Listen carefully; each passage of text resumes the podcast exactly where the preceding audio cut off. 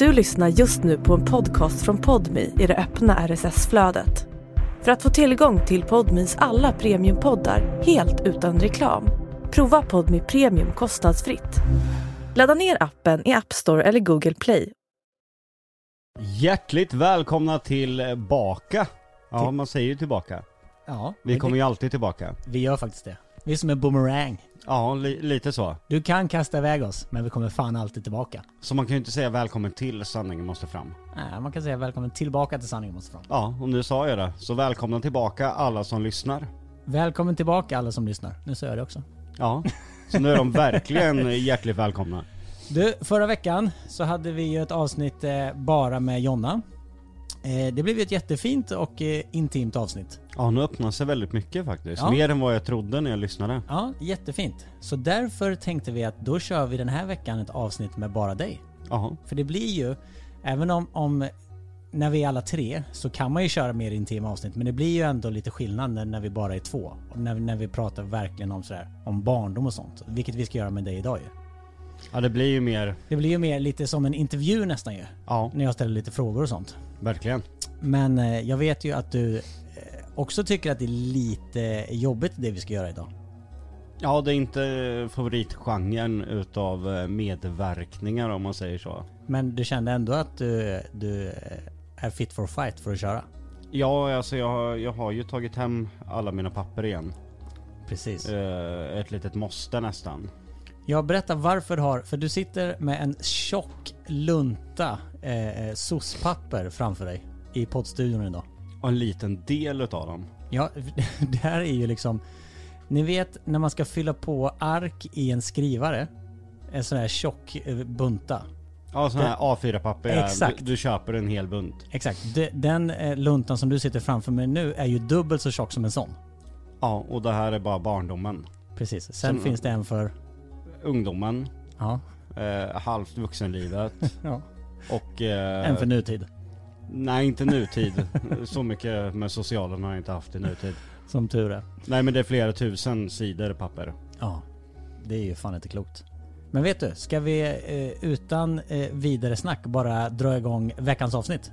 Ja, det gör vi. Kanske på ett lite allvarligare sätt och inte Nu kör vi igång våran podd! Nu, to- nu tog du in ändå. Nu gjorde jag det För att ändå. du ville ha den. Japp. Ja, eh, kör lite allvarsamt då. Okej, eh, nu kör vi igång våran podd.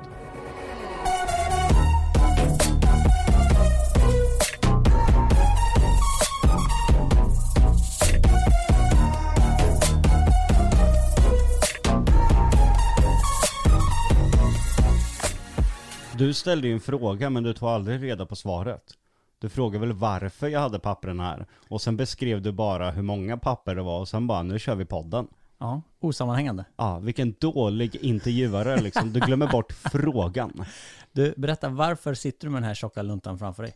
Eh, vi ska börja eh, komma igång med filmen om, i, om, om mitt liv. Så för att, att bygga trovärdighet och eh, basera på verkliga händelser så behöver man ju ta ut dokumentering utav verkliga händelser också. Och hur känns det då att göra liksom research på dig själv blir det nästan då ju? Jag kommer att göra det ganska löst eh, och lämna det vidare till en fruktansvärt duktig dokumentärproducent som kommer eh, grotta ner sig mer i det. För jag mår inte bra när jag pillar i det här liksom. Men ska det här bli en dokumentärfilm eller ska det bli en spelfilm? En spelfilm. Men, Det är min tanke i alla fall. ja, men du måste ändå ha någon som liksom går igenom det och lägger in någon slags det här ska vi ha med. Han omvandlar de här soc-papperna till någon slags manus då, eller? Precis. Och eh, jag har ju tänkt att eh, många tänker sig en spelfilm om mitt liv att det ska vara ända till nutid. Utan jag tänker ju endast eh, barndomen. Men att man ändå lämnade hoppfullt på något sätt. Men eh, det är ju här det finns absolut eh, potential att göra någonting som verkligen eh, berör. Någonting som både är tragiskt, hemskt, men kanske går att titta på för att man vet vart jag är i nutid. Jag vet inte om den här filmen har gått att göra om jag strök med. Nej, det är det som är så skönt. Hur, det än, hur tragiskt det än är så vet man ju att det har gått bra. Ja, och då, då tror jag man, man kan uthärda det här tragiska. Jag tror att det här hade varit helt omöjligt att, att titta på överhuvudtaget. Om man så visste bara, nej men han tog livet av sig när han var 20. Ja, för fan. Då är det mörkt. Då är det riktigt mörkt. Ja, då, då blir det svårt att göra film. Men jag tänkte vi börjar lite som vi gjorde med Jonna förra veckan. Eh, att vi börjar med lite bakgrund och så kommer ju SOS-papperna eh, liksom vävas in i historien beroende på var vi är ju. Eller? Ja, verkligen. Så vi börjar där. Vart är du född någonstans? Eh, jag är född eh, på Motala lasarett. Jag tror Jonna också är född där va? Mm. Mm. Alla Östergötlands barn kommer från Motala lasarett. Är det så? Ja. Det enda sjukhuset, eller BB som finns i upptagningsområdet då? Mm, ja, Norrköping har väl också. Mm. Ja, det har de ju. Alltså båda mina barn är födda där så uppenbarligen så har de det. Men är du först i barnskaran eller är du en i mitten eller hur såg familjekonstellationen ut när du växte upp? Men Jag var ut först. Mm. Jag var snabb. Du var snabb. Nej men jag är ju den enda som är eh, ett ensamt syskon. Jag Mm. har ju två syskon på min pappas sida som han har med en kvinna som heter Kai. Mm. Och det är ju Caroline och Daniel Ja. eh, som är födda 91 och 96 tror jag. Mm. Och sedan så har ju Kristoffer, Amanda och Jakob, varav Amanda och Jakob är ju tvillingar. Ja. Som är på mammas sida som hon har med en man som heter Thomas. För övrigt samma namn som min pappa. Det är väldigt många barn. Ja, och de är födda 89 och 91, tvillingarna. Okej, så du, och hur gammal är, är Krille? Krille är född 89. 89? Sen har jag ju eh, tre syskon som är födda samma år, bara att de är från olika konstellationer. Jag har ju Amanda och Jakob födda 91 på mammas sida, Mm. och sen har jag Caroline som är född 91 på pappas sida. Okej. Många 91 er Ja, verkligen. Men hur skulle du beskriva din barndom? Eh, vad är ditt första minne? Mitt allra första minne eh, är att jag sitter under ett eh, köksbord och gråter. Okej. Och Hur gammal var du då ungefär? Sex kanske, om jag gissar. Mm. Det, det, det är väldigt eh, lösa minnen, korta, fragment nästan bara. Mm. Jag har inget sånt här längre minne, utan det är väldigt lösryckta fragment. Och minns du varför du satt under det där köksbordet och grät? Det var väl eh, alltså trauman eh, kring saker som hade hänt i, i, i hemmet. Och eh, när jag sitter under köksbordet, jag tror att det är antingen en vecka innan, eller kanske till och med dagen innan det här då första anteckningstilläggsbladet i mina journaler skrivs. Där skrivs alltså 1994 0214. Det är alltså den 14 februari 1994, samma år då som eh, Jonna föddes. Mm.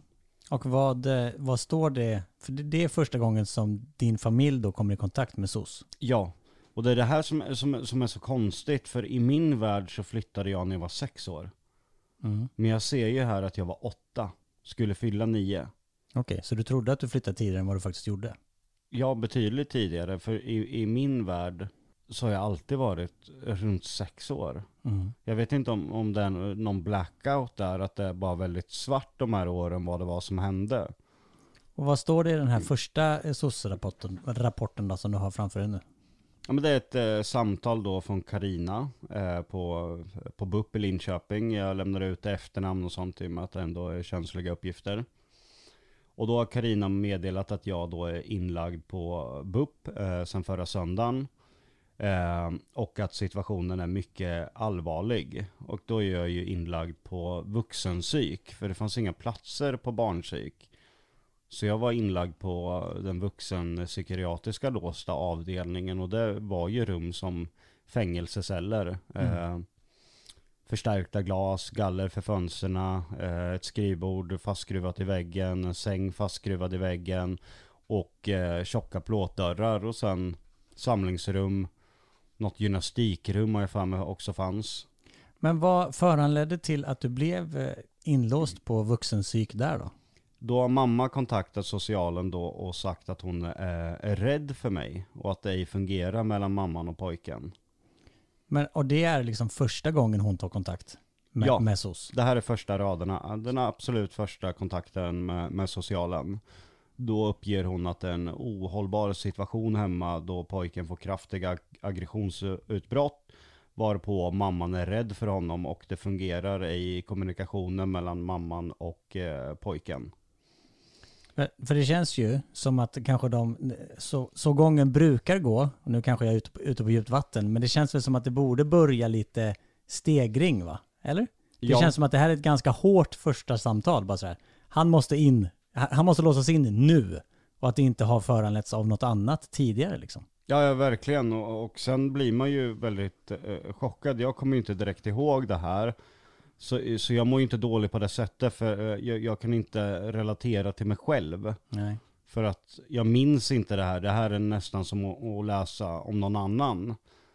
Men det gör ju mig fortfarande arg att eh, socialen fungerade på det här sättet eh, 1994.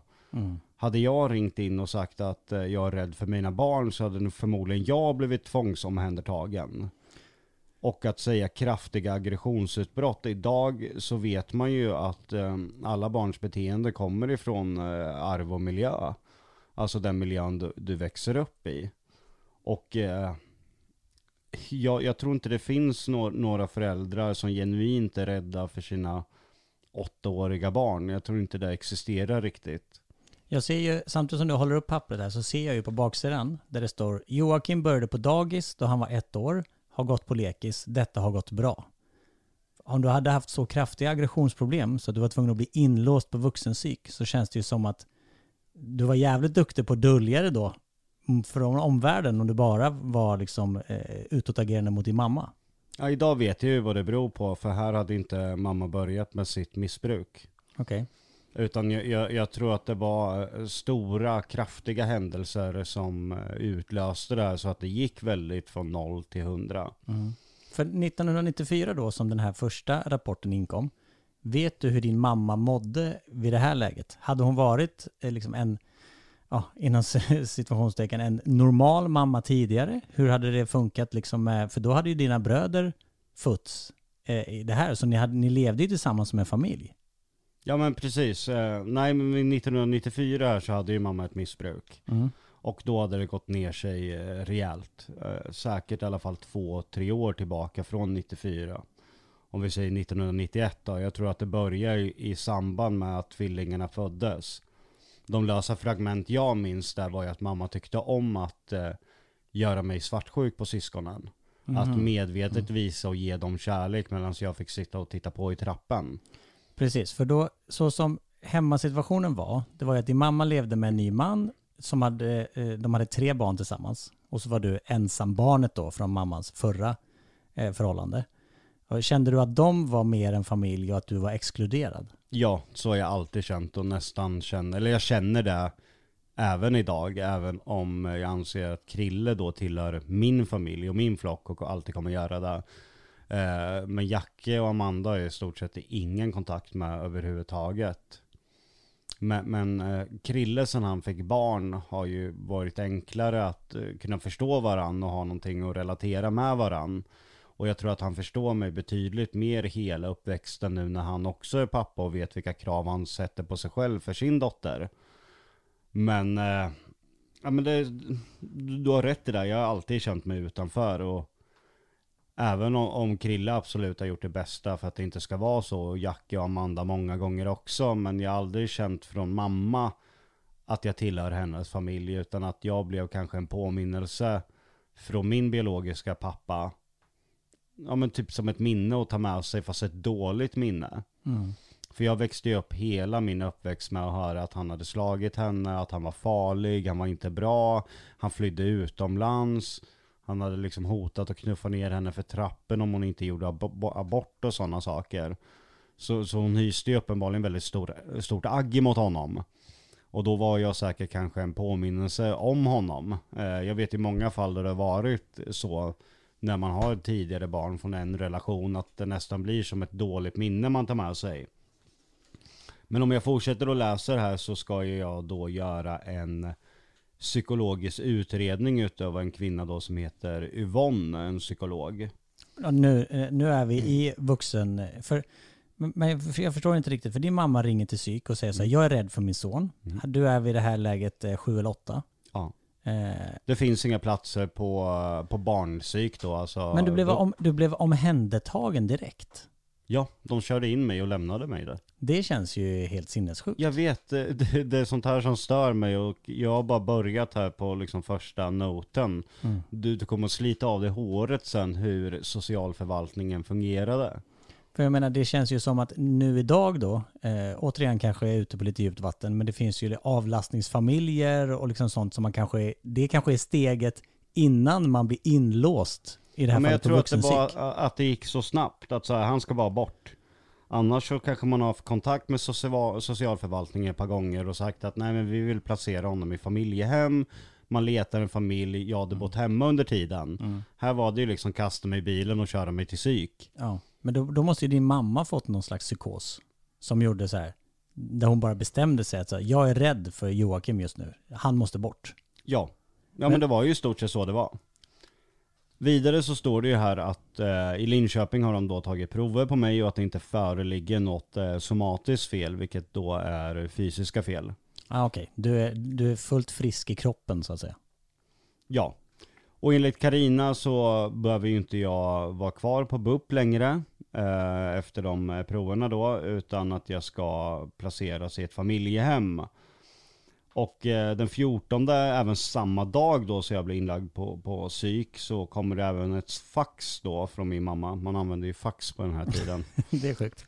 Och eh, då önskar de en eh, akut placering då på ett familjehem.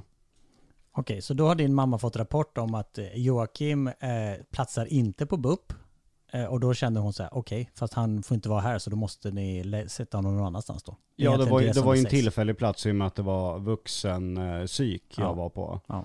Så jag vet inte varför det stå, eh, står BUP, för det är väl barn och ungdom? Ja, men det kan ju vara under deras regi, Ja. fast det inte fanns plats där, så då hade de det som backup då. Precis. Och här då har det skett en träff då i Linköping där eh, hon Karina då, det är mamma och pappas, eller mamma och Thomas kontaktperson, någon Eva, någon Helena. Och då överlämnas eh, följande beträffande mig då, Joakim Berg som jag hette på den tiden. Jag tog Mm. ju min låtsaspappas efternamn. Jag är ju född Karlsson, Mm. eh, som är min mammas eh, födelse efternamn och från mormor och morfar. Och sedan när mamma gifte sig så tog hon eh, namnet Berg varpå jag fick då. Och eh, jag kom ju då akut till eh, BUP i Linköping. Eh, och med var föräldrarna Annika och styrpappa Thomas eh, samt morföräldrarna. Situationen har ju då blivit ohållbar hemma. Eh, mamma var slutkörd. Eh, Joakim fick långvariga raseriutbrott hemma. Eh, dessa kunde vara 4-5 timmar. Eh, jag slog småsyskonen. Ska även ha tagit strypgrepp på mina småsyskon. Mamman är mycket rädd för Joakim. På avdelningen har Joakim haft raseriutbrott. Så längst var det dessa i 50 minuter. Det är också en väldigt annorlunda bild av eh, hur mamma beskrev mina raseriutbrott. Enligt henne så var ju de 600% längre. Mm. Då mitt längsta där på avdelningen hade varit i 50 minuter. Medan mina enligt mamma var 4 till 5 timmar. Har du något minne alls från att du var eh, ett aggressivt barn? Ja. Eh, jag kommer ihåg att jag, jag kan inte sätta fingret på varför och så, men jag vet att jag kände känslor i min kropp. Jag kan, jag kan känna igen sättet och känna eh, eh, känslorna. Mm.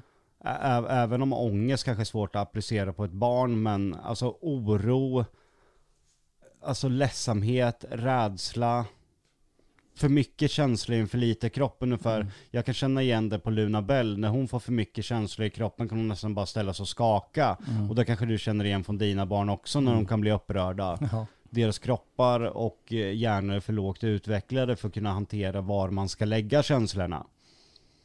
Eh, och sedan då eh, så är jag enligt personalen eh, är jag kontaktbar när jag får utbrotten. Det var jag inte enligt mamma. Nej. Eh, enligt uppgifter började Joakim må dåligt under hösten 93. Han blev arg och använde fula ord. Efter jul har han mått sämre och raseriutbrotten har tilltagit. Joakim vägrade först att gå till fritids, men sedan har han också vägrat att gå till skolan. Under veckan innan inläggningen var pappan med i skolan. Eh, från BUP har man haft kontakt med Joakims klassföreståndare Kerstin. Hon har uppgivit att skolstarten har varit orolig. Joakim har varit omogen och väldigt orolig. Familjen avråddes egentligen från skolstart. I skolan kan det hända att Joakim suger och biter på fingrarna. Han har inte visat någon aggressivitet i skolan. Klassföreståndaren har också märkt en förändring efter jul. Joakim har varit ledsen och förtvivlad. Mamman har endast varit vid skolan vid ett enda tillfälle. Detta då hon lämnade Joakim efter ett besök på BUP under vårterminen. Hon gick inte in i klassrummet. Redan här, om man jobbade på socialen idag, så hade man ju startat en väldigt stor ut- utredning utav min mamma. I och med att skolan beskriver mig som förtvivlad. Ledsen och förtvivlad. Och ett barn blir ju inte ledsen och förtvivlad utan anledning. Det kan ju varenda förälder och människa skriva under. Ja, verkligen så är det. Så det är så obehagligt att mamma bara då kan ha lämnat bort mig. Fast det finns då tecken att jag har eh, varit rädd. Jag har varit orolig, förtvivlad och ledsen.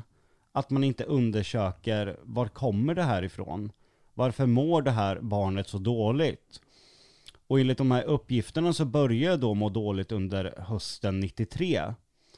Alltså fem månader ish innan eh, jag blev satt då på, på psyk- psykiatriska avdelningen. Och att man då från socialens sida inte, vad var det som hände där under hösten 93?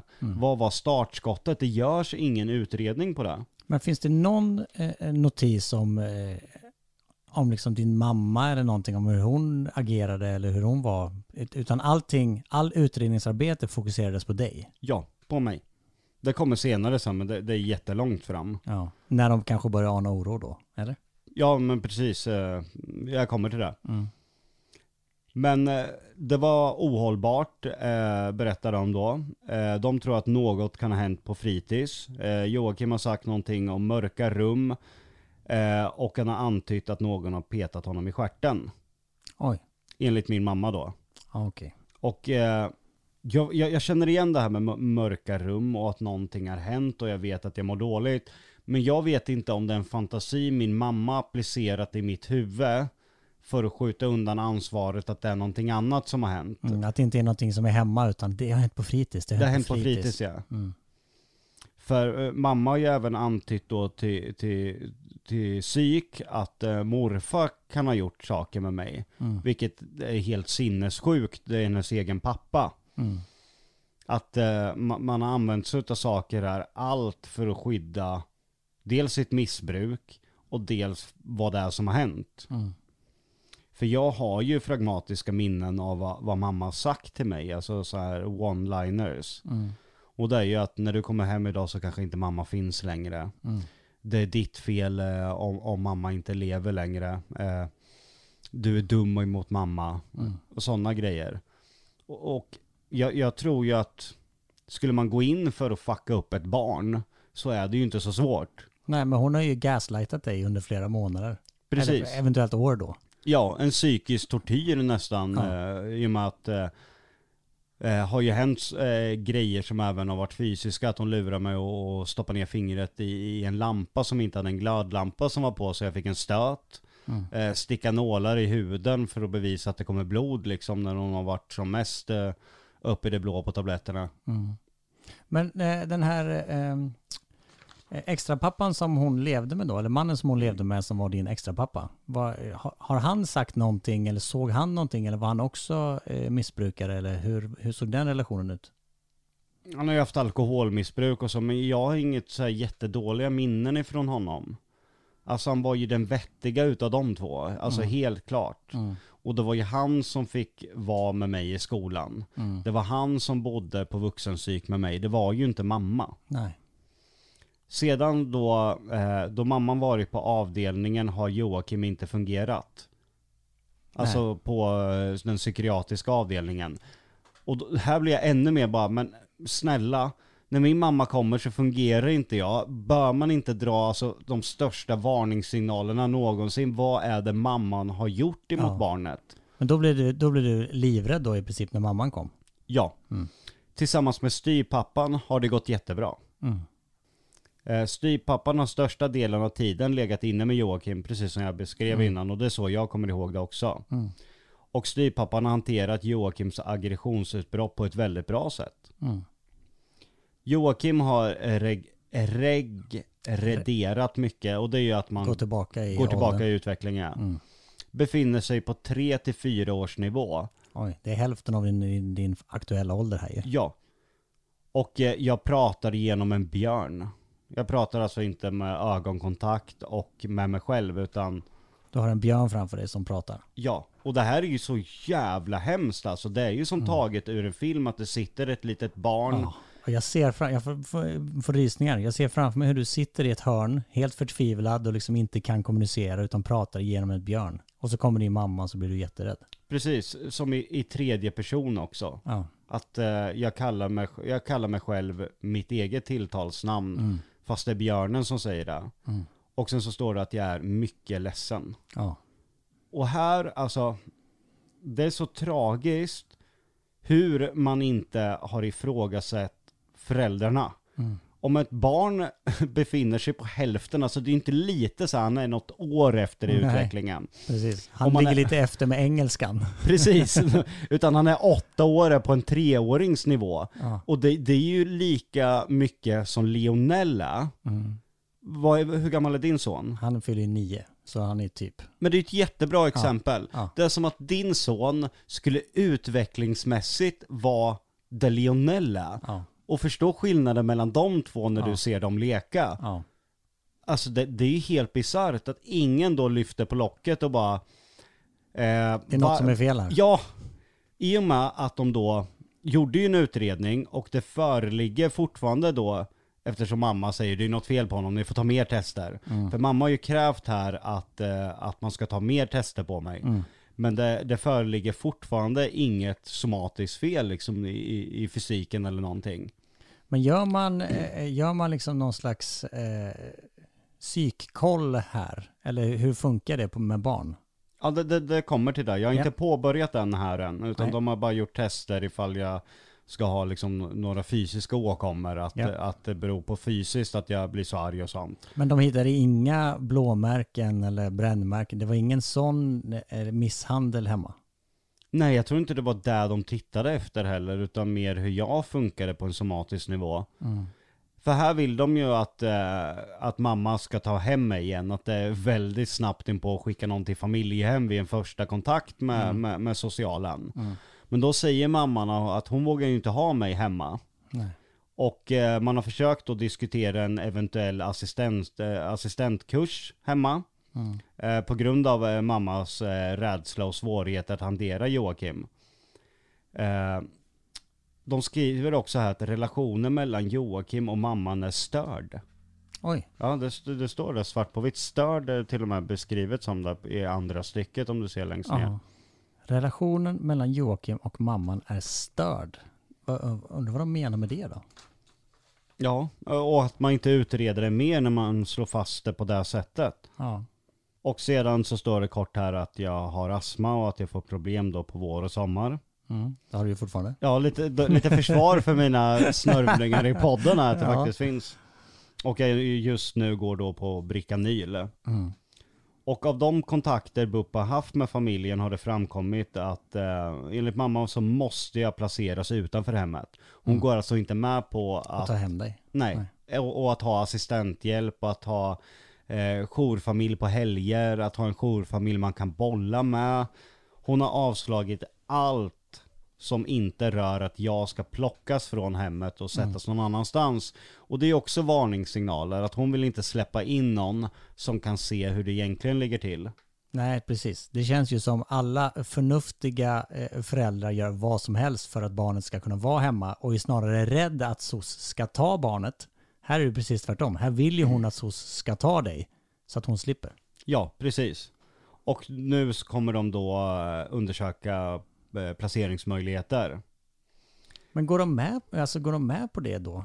Eh, är det sådär, lyssnar man direkt på mamman då? Så bara, vi måste skydda mamman.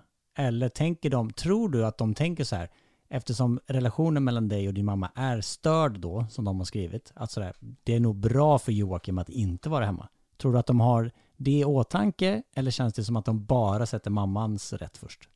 Det var ju mycket så att det var föräldrarnas rätt för och inte barnens. Eh, Socialförvaltningen jobbar ju på ett helt annat sätt idag. Eh, och eh, mamma har böjer då kontakt med socialkontoret den 15. Eh, hon vill un- undersöka själv eh, familjehem. Och det är också sinnessjukt. Ja, det är jätte... Hon känner ju inga Ska familjehem. hon börja ringa runt och bara, hej kan ni ta min son? Eller vadå? Ja men då, då är det ju det här mammas kontrollbehov. Att sätter man mig i en familj som inte hon kan styra på det sättet. Jag vet inte var, var hon hade tänkt och eh, sätta mig. Och eh, den 15, den här noteringen eh, som är gjord, så besöker då mamma för nästkommande dag tillsammans med min styvpappa socialkontoret. Och där berättar mamman om situationen kring mig. Eh, och de uppgifter eh, som BUP har eh, lämnat över, att de överensstämmer med min mammas berättelse. Och det är inte fullt möjligt nu, i nuläget att ha Joakim hemma. De försöker samtala om placeringsalternativ. Och eh, överens om att undersöka ett placeringsalternativ på ett eh, akut och utredningshem. Oasen i Aneby. Mm-hmm. Är det någon slags... Ja, då ska man ju utreda om jag är psykiskt sjuk liksom. Mm. Vilket också är så här. Barn i den åldern är inte psykiskt sjuka utan beter sig barn i den åldern annorlunda och det inte föreligger några somatiska liksom, fel på barnen eller att de har supertunga diagnoser så beror det ju liksom på miljön hemma. Mm. Framförallt när barnet är oroligt, ledset och förtvivlat. Ja. För då betyder det ju att barn, barnet har ju känslor. Det är inte så att barnet får aggressi- ag- aggressionsutbrott och slår sönder ta- saker och stryper någon och varpå är glad efter en halvtimme och inte kan känna att här har jag gjort något fel. Nej. Utan vi har ju ett barn som gråter, ett barn som är förtvivlad. Det var, det var bara det var första arket Ja. av, av den här luntan. Ja. Så vart, eh, vad blir det då? De kör dig till den här oasen och gör en... Nej. Eh, Agneta från Oasen hör av sig att det inte finns några platser. Det är överbelagt. I övrigt eh, delar det att det tidigare arbetat med barn med liknande problematik. Plats kan eventuellt erbjudas om 14 dagar. Från BUP har det eh, då meddelats att Joakim snarast bör skrivas ut eh, därifrån. Familjen ser ingen möjlighet att kunna ta med honom hem. Eh, en plats på barnhemmet Vårsol i Jönköping skulle kunna erbjudas. Det är så jävla sjukt Alltså. att det är ett barnhem som är Ja. på tapeten. Nej men jag tänker ju bara så, jag får ont i magen för jag tänker på mina barn. Tänk den osäkerheten som du måste ha känt då som eh, sjuåring i det här fallet. Alltså det, jag får inte följa med mamma, jag får inte åka. Eh, Sen så vet jag inte hur medveten du är om de här samtalen som de vuxna Nej, eventuellt har in- ovanför ditt ingenting. huvud. Men ändå att liksom känna, ja, du är ju inte välkommen någonstans här. Nej, nu kommer det göra ont i dig. Mm. Eh, mamma ville då ha det här barnhemmet Vårsol.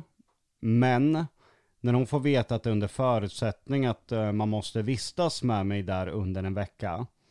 eh, då är familjen därmed inte intresserad av barnhemmet. Nej, varför hon inte ville vara med dig där då.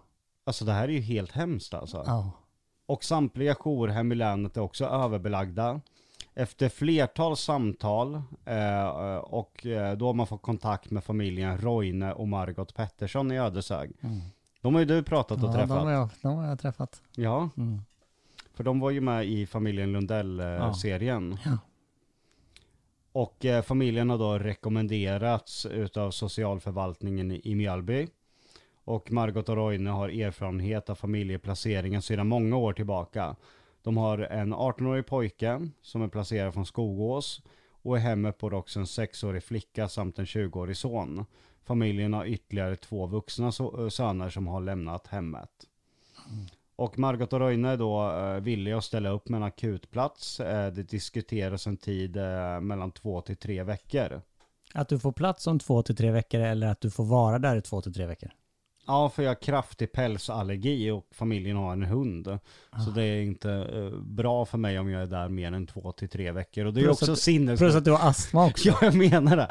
Men din mamma skickar dig ju hellre dit och att du mår asdåligt och eventuellt hostar ihjäl Mm. dig än att hellre ha dig hemma. Ja. Och det är ju helt sjukt hur för långt det, det har gått på den här listan. Ja. Så här, men vi har hittat ett ställe, men du måste vara med din son där. Ja. Nej, men då vill jag inte. Nej, men I det här skedet så är det så här, vuxenpsyk, eller barnpsyk har ingen plats. Vuxenpsyk eh, vill skriva ut dig. Eh, den här oasen har inte plats. Det här familjehemmet där din mamma måste bo med dig, inte aktuellt, för din mamma vill inte bo med dig. Hemmet är absolut inte aktuellt. Och då är det eh, Roine och Margot som, som bara är kvar. Och de har hund och du är pälsallergiker. Men det är fan där du får vara. Ja. Det är så jävla pissigt. Det är jättesjukt det här. Alltså mamma försöker ju verkligen skicka mig på ett barnhem. Alltså ungefär som i filmer när man lägger Ja. liksom ett barn i en låda utanför dörren. Ja, hade hon kunnat göra det och bara dragit. Det, det finns ju sådana eh, luckor på typ eh, brandstationer i flera olika länder där man kan lägga oönskade barn eller om man inte kan ta hand om barnet och så fixa dem liksom med adoption och sånt. Hade det, hade det funnits i Sverige så hade hon ju lagt dig där när du var sju. Utan problem utifrån det man läser. Alltså Ja. verkligen utan problem. Men För, förstå om våra barn skulle liksom visa tecken på att må dåligt och vi bara Nej, jag har inte tid och, och Nej, jag pallar inte det här. Nej, jag pallar inte. Då, alltså ni får ta barnet ensamt liksom. Jag orkar inte åka ner till Jönköping och ligga på ett barnhem. men under allt det här som hände så hade hon ju fortfarande tre barn hemma. Ja. Blir de påverkade av det här alls? Alltså är någonting av hennes beteende gentemot dig, har det skett gentemot de andra barnen också? Eller har de alltid blivit väl omhändertagna? Inte väl, alltså skulle jag absolut inte säga. Men jag tror inte att de gaslightade dem på samma sätt. Och sen var inte de tillräckligt gamla för att informationen de får ska skada på det här sättet. Nej, Eh, precis. För att det kom ju i slutet utav 93. Mm. Jag tror ju processen som, som, som barn eh, för en förståelse och känna liksom rädsla går ju ganska snabbt uppåt efter fem. Mm. Precis, och här var ju tvillingarna var ju bara två år här ju. Precis. Yngre än Lionel. Så Ja. det är ju väldigt svårt att förstå då. Ja, man, blir fan, man blir alldeles eh, svettig ju när man läser det här. Men vad hände sen då? Var det Mar- Margot och Roy? Tänk att det finns sådana människor ändå. Som ändå ställer upp. Ja, Ja. det är jättefint. Ja, det är ju faktiskt helt fantastiskt. Men vad, eh, körde de hem dig till Margot? Kommer du ihåg när du kom in där första gången? Ja. Hur kändes det då? Läskigt, jätteläskigt. För de hade dels massa äldre barn, alltså det vet ju jag. Min son som är, alltså fyller nio då, alltså han skulle ju inte vilja hänga med en 20-åring och en 18-åring under samma, alltså det hade ju varit ganska läskigt ju. Jätteläskigt. Ja. Och så det, och helt nya då, vuxna förebilder såklart. För de var ju, de är ju, var ju gamla, de var väl pensionärer vid det här laget. Nej, inte riktigt, men de, var- de var ju äldre. Du har ju träffat dem. Ja. Om man räknar 20 år tillbaka, vad kan Roine va? vara i för ålder nu? Träffa honom 75 i alla Ja, fall? det måste han ju vara. Närmare 80 kanske. Så jag menar, det var nog, 55-60-åringar. ja, och han hade, de har ju, hade ju en 20-åring och två vuxna barn som har, som har flyttat ut. Så det är klart att de var mycket äldre. Ja, betydligt äldre än eh, mamma och eh, min styvpappa Thomas. Men då har jag fått veta här eh, att jag inte får komma hem. Mm. Vilket gör mig väldigt orolig. Eh, styvpappan eh, får följa med mig eh, till familjehemmet. Ja, Din mamma följde inte med och lämnade dig. Nej. Nej. det, det är helt otroligt. Men hon tvingas sen att eh, komma och hälsa på och, och liksom integrera med mig. Finns det någon notis om hur hon beter sig? Eh, nej, men hur jag beter mig när mamma väl kommer till familjehemmet, då blir jag betydligt oroligare. Mm. Och eh, före placeringen så har det då bestämts mellan familjehemmet och min mamma att mamma då skulle besöka mig på måndag förmiddag. Eh, då mamman har mycket svårt att hantera Joakim bedömdes detta inte som lämpligt.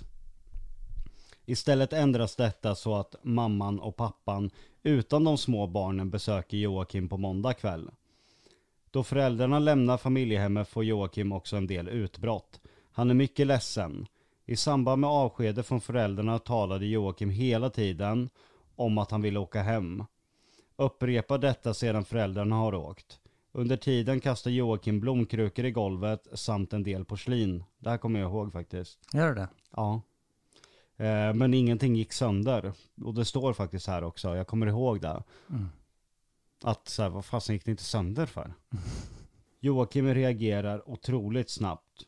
Från BUP har det också påtalats risken att Joakim kan skada sig själv. Eh, han behöver därför vara under uppsikt hela tiden. Mm. Och sen har ju då eh, familjehemmet ett telefonnummer de kan ringa under helgen ifall något eh, skulle hända. Ringde din mamma? Nej. Nej. Men eh, de har då ett samtal efter helgen med Margot Pettersson, eh, familjehemsmamman. Mm. Och enligt eh, Margot har det ju under helgen gått eh, bra ändå. Jag har inte fått några utbrott och eh, söndagen var helt lugnt. Eh, jag har däremot dragit mig undan och krypit ihop i ett hörn. Eh, lagt mig i och under sängen och tagit min napp och velat vara i fred. Mm. Napp? Du hade napp när du var 7-8 år då? Ja, jag ska fylla nio. Ja. Och det är också så här tecken att sociala inte har reagerat att så här, Din utveckling är ju helt åt, åt fanders. ja, alltså mina barn, eh, Luna Bell slutade med napp ett par månader innan hon var tre. Mm. Och så lämnade hon över nappen i samband med sin födelsedag. Vi var ju i Cypern då. Ja, ja, precis. Så vi var och hälsade på Lollo och Bernie och sen gav hon nappen. Mm. Jag ligger alltså nästan sex år efter Luna Bell. Men här, om du är nio år så ska du ju börja trean. Eh, Det stämmer, för jag började trean i familjehemmet. precis. Och det är ju precis som min son. Han ska ju börja trean nu. Jag menar, om han hade haft napp, då hade det varit någonting som var jävligt fel. Ja, väldigt, väldigt fel. Men jag menar, gick du i skolan? Minns du att du gick i skolan här? Eller var du hemma hos Margot och Roine hela tiden? Eller vad hände? Mm, men det kommer ko- komma här. Jag kommer Mm. ihåg eh, ganska väl ändå. Jag vet ju att jag, det här var ju mitt i, eh, två, med, alltså andra klass. Mm. Februari andra klass och sen har du ju sommarlov i, i juni. Mm. Så jag vet att jag gick färdigt i, i Vadstena den här eh, terminen. För att sen börja höstterminen 94 då i samband med att jag fyller nio år i tredje klass där.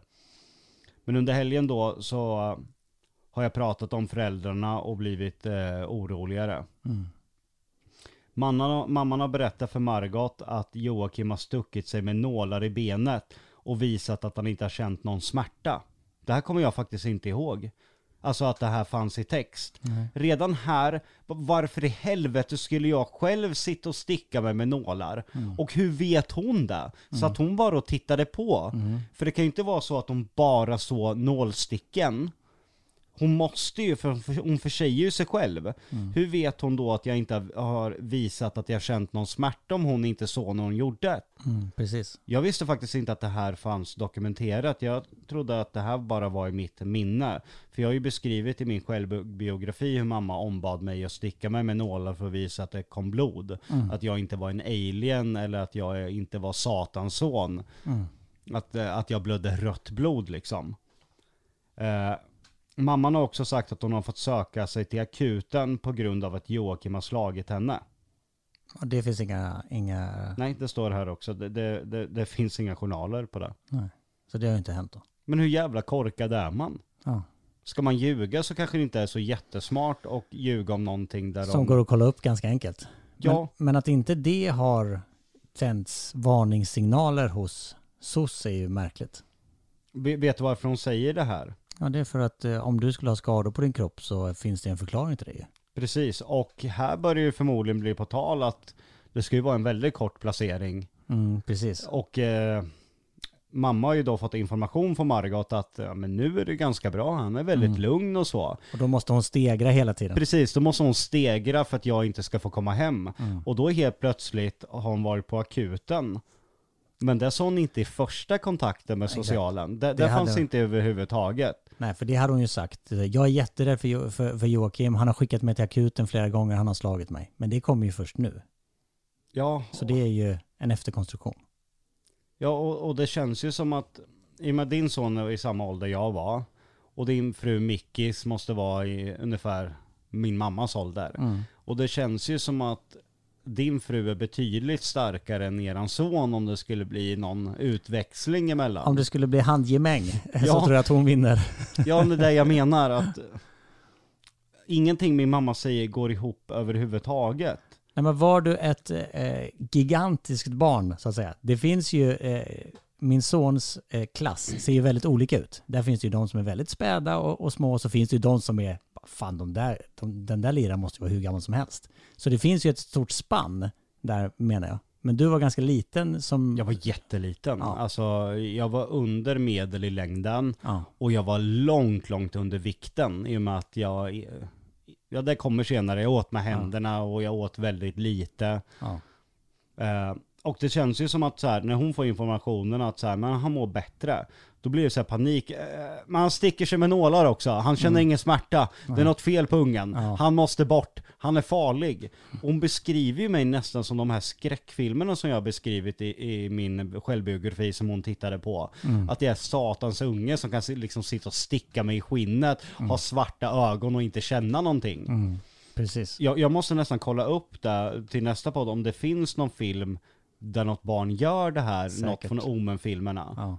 För jag har ju hittat andra referenser som mamma har plockat direkt ifrån filmer. För hon var, eh, hon var ju, inte besatt, vad jag ingen aning om, men ni kollade ju, eller hon tvingade dig ju att se på skräckfilm. Hon var besatt utav skräckfilmer. Ja. Och det var det enda hon tittade på. Ofta så tittar hon på dem i samband med när hon har tagit tabletter, vilket inte är så jättebra liksom. Nej fy fan, det måste ju varit eh, sjukt läskigt.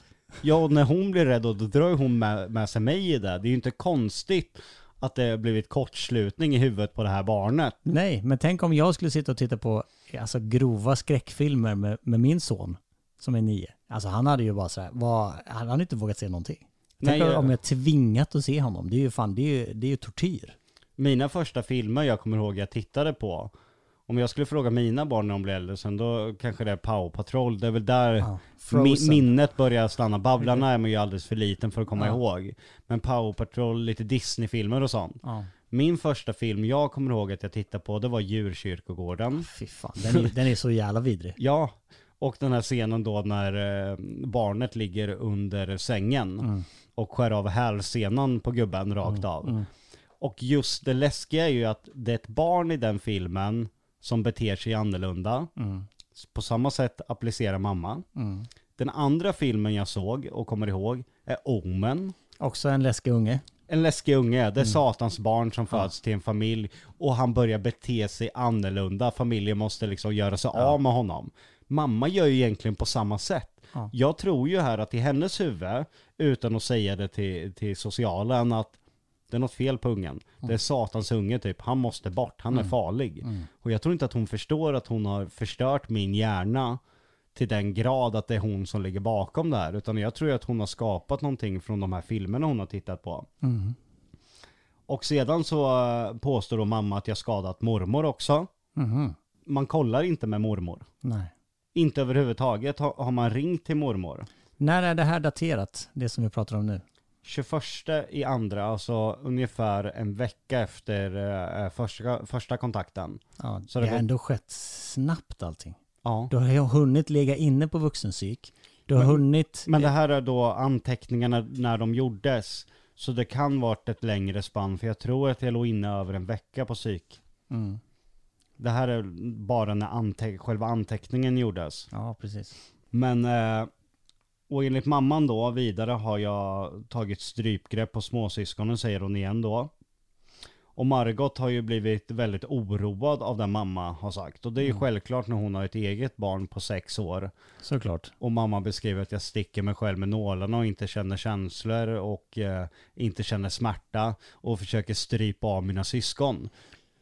Va, eh, händer det någonting eh, våldsamt från din sida, vad du har läst eh, i familjehemmet? Förutom att du kastar grejer? Nej. Nej. Och det var direkt när jag kom dit också. Ja. Det står ju att resten av helgen gick ju bra. Mm. Enligt de uppgifter eh, som BUP har fått in då, eh, för Margot, eh, så har bara mina utbrott kommit i huvudsak i samband med mamman. Mm. Man bara, varför gör ni inte en utredning? Mm. Det är ju bara en enda person som orsakar mina utbrott. Margot har ett annat sätt att hantera Joakim. Därmed bedömdes det att det inte finns någon fara för henne eller hennes familj. Mamman har också tagit upp misstänken att, att Joakim skulle vara utsatt för något form av övergrepp.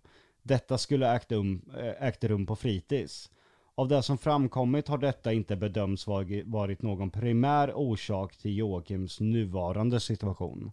Nej. Och sedan så överenskommer att eh, någon Helena ska medfölja vid föräldrarnas besök. Ett förslag till ersättning kommer då lämnas till familjen. Eh, någon annan socialhandläggare här, har då till Margot framfört att en barnläkare borde titta på mig i slutet av veckan. Någon läkare borde lyssna på mig på grund av astman jag har i familjehemmet med hunden Det var, där. ju, det var ju snällt. Ja, det det är snällt att de kollar upp det i alla fall. Men börjar SOS misstänka lite här då att eh, mamman kan vara en del av problemet eftersom de vill att en handläggare ska vara med när mamman är med? Jag vet faktiskt inte. Eh, och eh, här enligt då Yvonne som är psykiatriker på barn och ungdomspsyk så har hon träffat mig eh, tre tillfällen.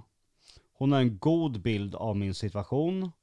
Däremot anser hon att mammans förmåga inte är utredd. Så nu börjar de då misstänka. Men de lyssnar inte. Nej. Här uttrycker en psykolog det till socialförvaltningen men de gör ingen utredning. Nej. Medicinerar mamma? Eh, hennes fråga. Hur mår egentligen Joakims mamma? Är hennes förhå- förhållande till de andra barnen likadant som med Joakim? Behandlar hon dem på något annat sätt? Hur ser familjens nätverk ut? Här har hon ställt flera väldigt skäliga frågor som ifall socialförvaltningen hade lyft på så kanske jag hade räddats från väldigt mycket trauma och smärta i mitt liv. Mm. Ja, där känns det som att du kom i kontakt med den första vettiga eh, personen, förutom Margot och Roine då. Ja, hon ställer inte en enda fråga om mig utan alla frågor riktas då emot min mamma. Mm. Och enligt Yvonne så fungerar jag bra med styrpappan. Och eh, Yvonne har även sjukskrivit Thomas så att han skulle kunna vara med mig då på den här psykiatriska Mm. avdelningen som Mm. jag låg på. Enligt Yvonne så är jag djupt deprimerad. Och eh, jag kämpar för att vara nära min mamma. Och jag känner en oro för min mamma. En mycket stor oro för mamman. Mm. Det är för att hon hela tiden har sagt att eh, hon eventuellt ska ta livet av sig och det är ditt fel. Och mamma har ju sagt att hon aldrig har försökt hänga sig i garaget. Hon har sagt att hon aldrig på något sätt har eh, sagt till mig att de mår dåligt. Hur kommer det sig då om du, om du får läsa den här raden här? Den näst sista stycket där, om du kan läsa upp det för lyssnarna. Joakim är deprimerad. Han kämpar för att få vara nära sin mamma. Joakim är mycket orolig för mamma. Han är rädd för att hon ska ta sitt liv. Joakim är inte förvirrad, inte psykotisk. Han behöver inte terapi för egen del. Han är en begåvad pojke. Obehagligt att här Ja. görs fortfarande ingenting. Nej. Här är utrett att jag är inte psykotisk. Jag behöver inte ens egen terapi och jag är inte förvirrad. Alltså hon bedömer då, han har inte hittat på de här sakerna, han är inte förvirrad. Och jag beskriver då, åtta år gammal, att jag är rädd för att mamma ska ta sitt liv. Mm. Det har ju inte du hittat på själv utan det har ju kommit från någonstans. Ja. Det här har jag faktiskt in- inte läst någon gång, så det här blir verkligen som en befrielse för mig. Mm. Någonting som mamma påstått att jag ljugit hela mitt liv. Mm. Någonting hon har försökt trycka på syskonen att det aldrig har hänt. Mm. Här liksom står det svart på vitt. Jag var inte förvirrad, jag var inte psykotisk. Och jag var rädd för att hon ska ta sitt liv. Mm. Men ändå gjordes ingenting. Och på BUP har jag talat om eh, min ilska. Jag har talat om min oro för mamman. Och jag är också rädd för mig själv när jag blir arg. Eh, BUP har ingen misstanke om att det har hänt något övergrepp på Joakim. Denna misstanke har framförts av föräldrarna som mamma. Frågan bör dock följas upp. Joakim har själv inte talat om något som tyder på att han skulle vara utsatt för övergrepp. Och det här, det här är så läskigt för att jag har ju minnen från ett övergrepp. Alltså mör- mörka rum och, och sådana grejer. Mm. Men i och med att jag var så liten och har mamma tryckt in i mitt huvud om och om igen en historia för att skydda sig själv. Mm. Så borde det väl, alltså rent på en psykisk nivå, att man skapar sig ett minne som inte existerar till slut. Mm. Det går väl om man börjar gaslighta ett barn väldigt tidigt att ändra dennes världsbild och sin egen bild över det man upplever. För det är väl där li- gaslighting går ut på. Mm. Det gör man ju även i, i för- förhållandet, vuxna människor, där den ena parten får den andra parten att tvivla på sin uppfattning hur man upplever saker va, och hur saker går till. Man ger ju små, små, små hintar hela tiden eller, eller liksom förvirrar den andra personen. Liksom gömmer saker och sen så, ja men jag sa ju att den låg där hela tiden. Alltså man gör ju eh, den andra parten förvirrad helt enkelt. Och att den tappar eh, verklighetskonceptet eh, eh, helt enkelt. Så det är ju där jag tror, tänk om jag aldrig har varit med om det som jag har trott i hela mitt liv. Mm. För att det är en gaslighting, Mm. för att täcka någonting hon har gjort emot mig. Mm. För det är väldigt mycket att skylla på fritids, det är, det är jag, det är annat, det är skola. Det, det är ju aldrig hon själv någon gång. Nej. Hur eh, länge stannade du hos Margot och Roine? Totalt. Mm. Till jag var 14 år. Ja. Så i, Sex år ungefär. på heltid? Ja. Så din mamma kämpade för att inte, inte du skulle komma hem på sex år? Ja. Eh, Jag tänker väl att lyssnarna får väl eh, bedöma ifall de vill ha fler delar du och jag kan eh, köra. Grej, det, det sjuka är, vi har gått igenom tre papper av... Nej, vi är på sida fem för det, Ah, det är dubbelsidor. det är dubbelsidor. Vi har gått igenom fem sidor av, ja, väldigt, väldigt många.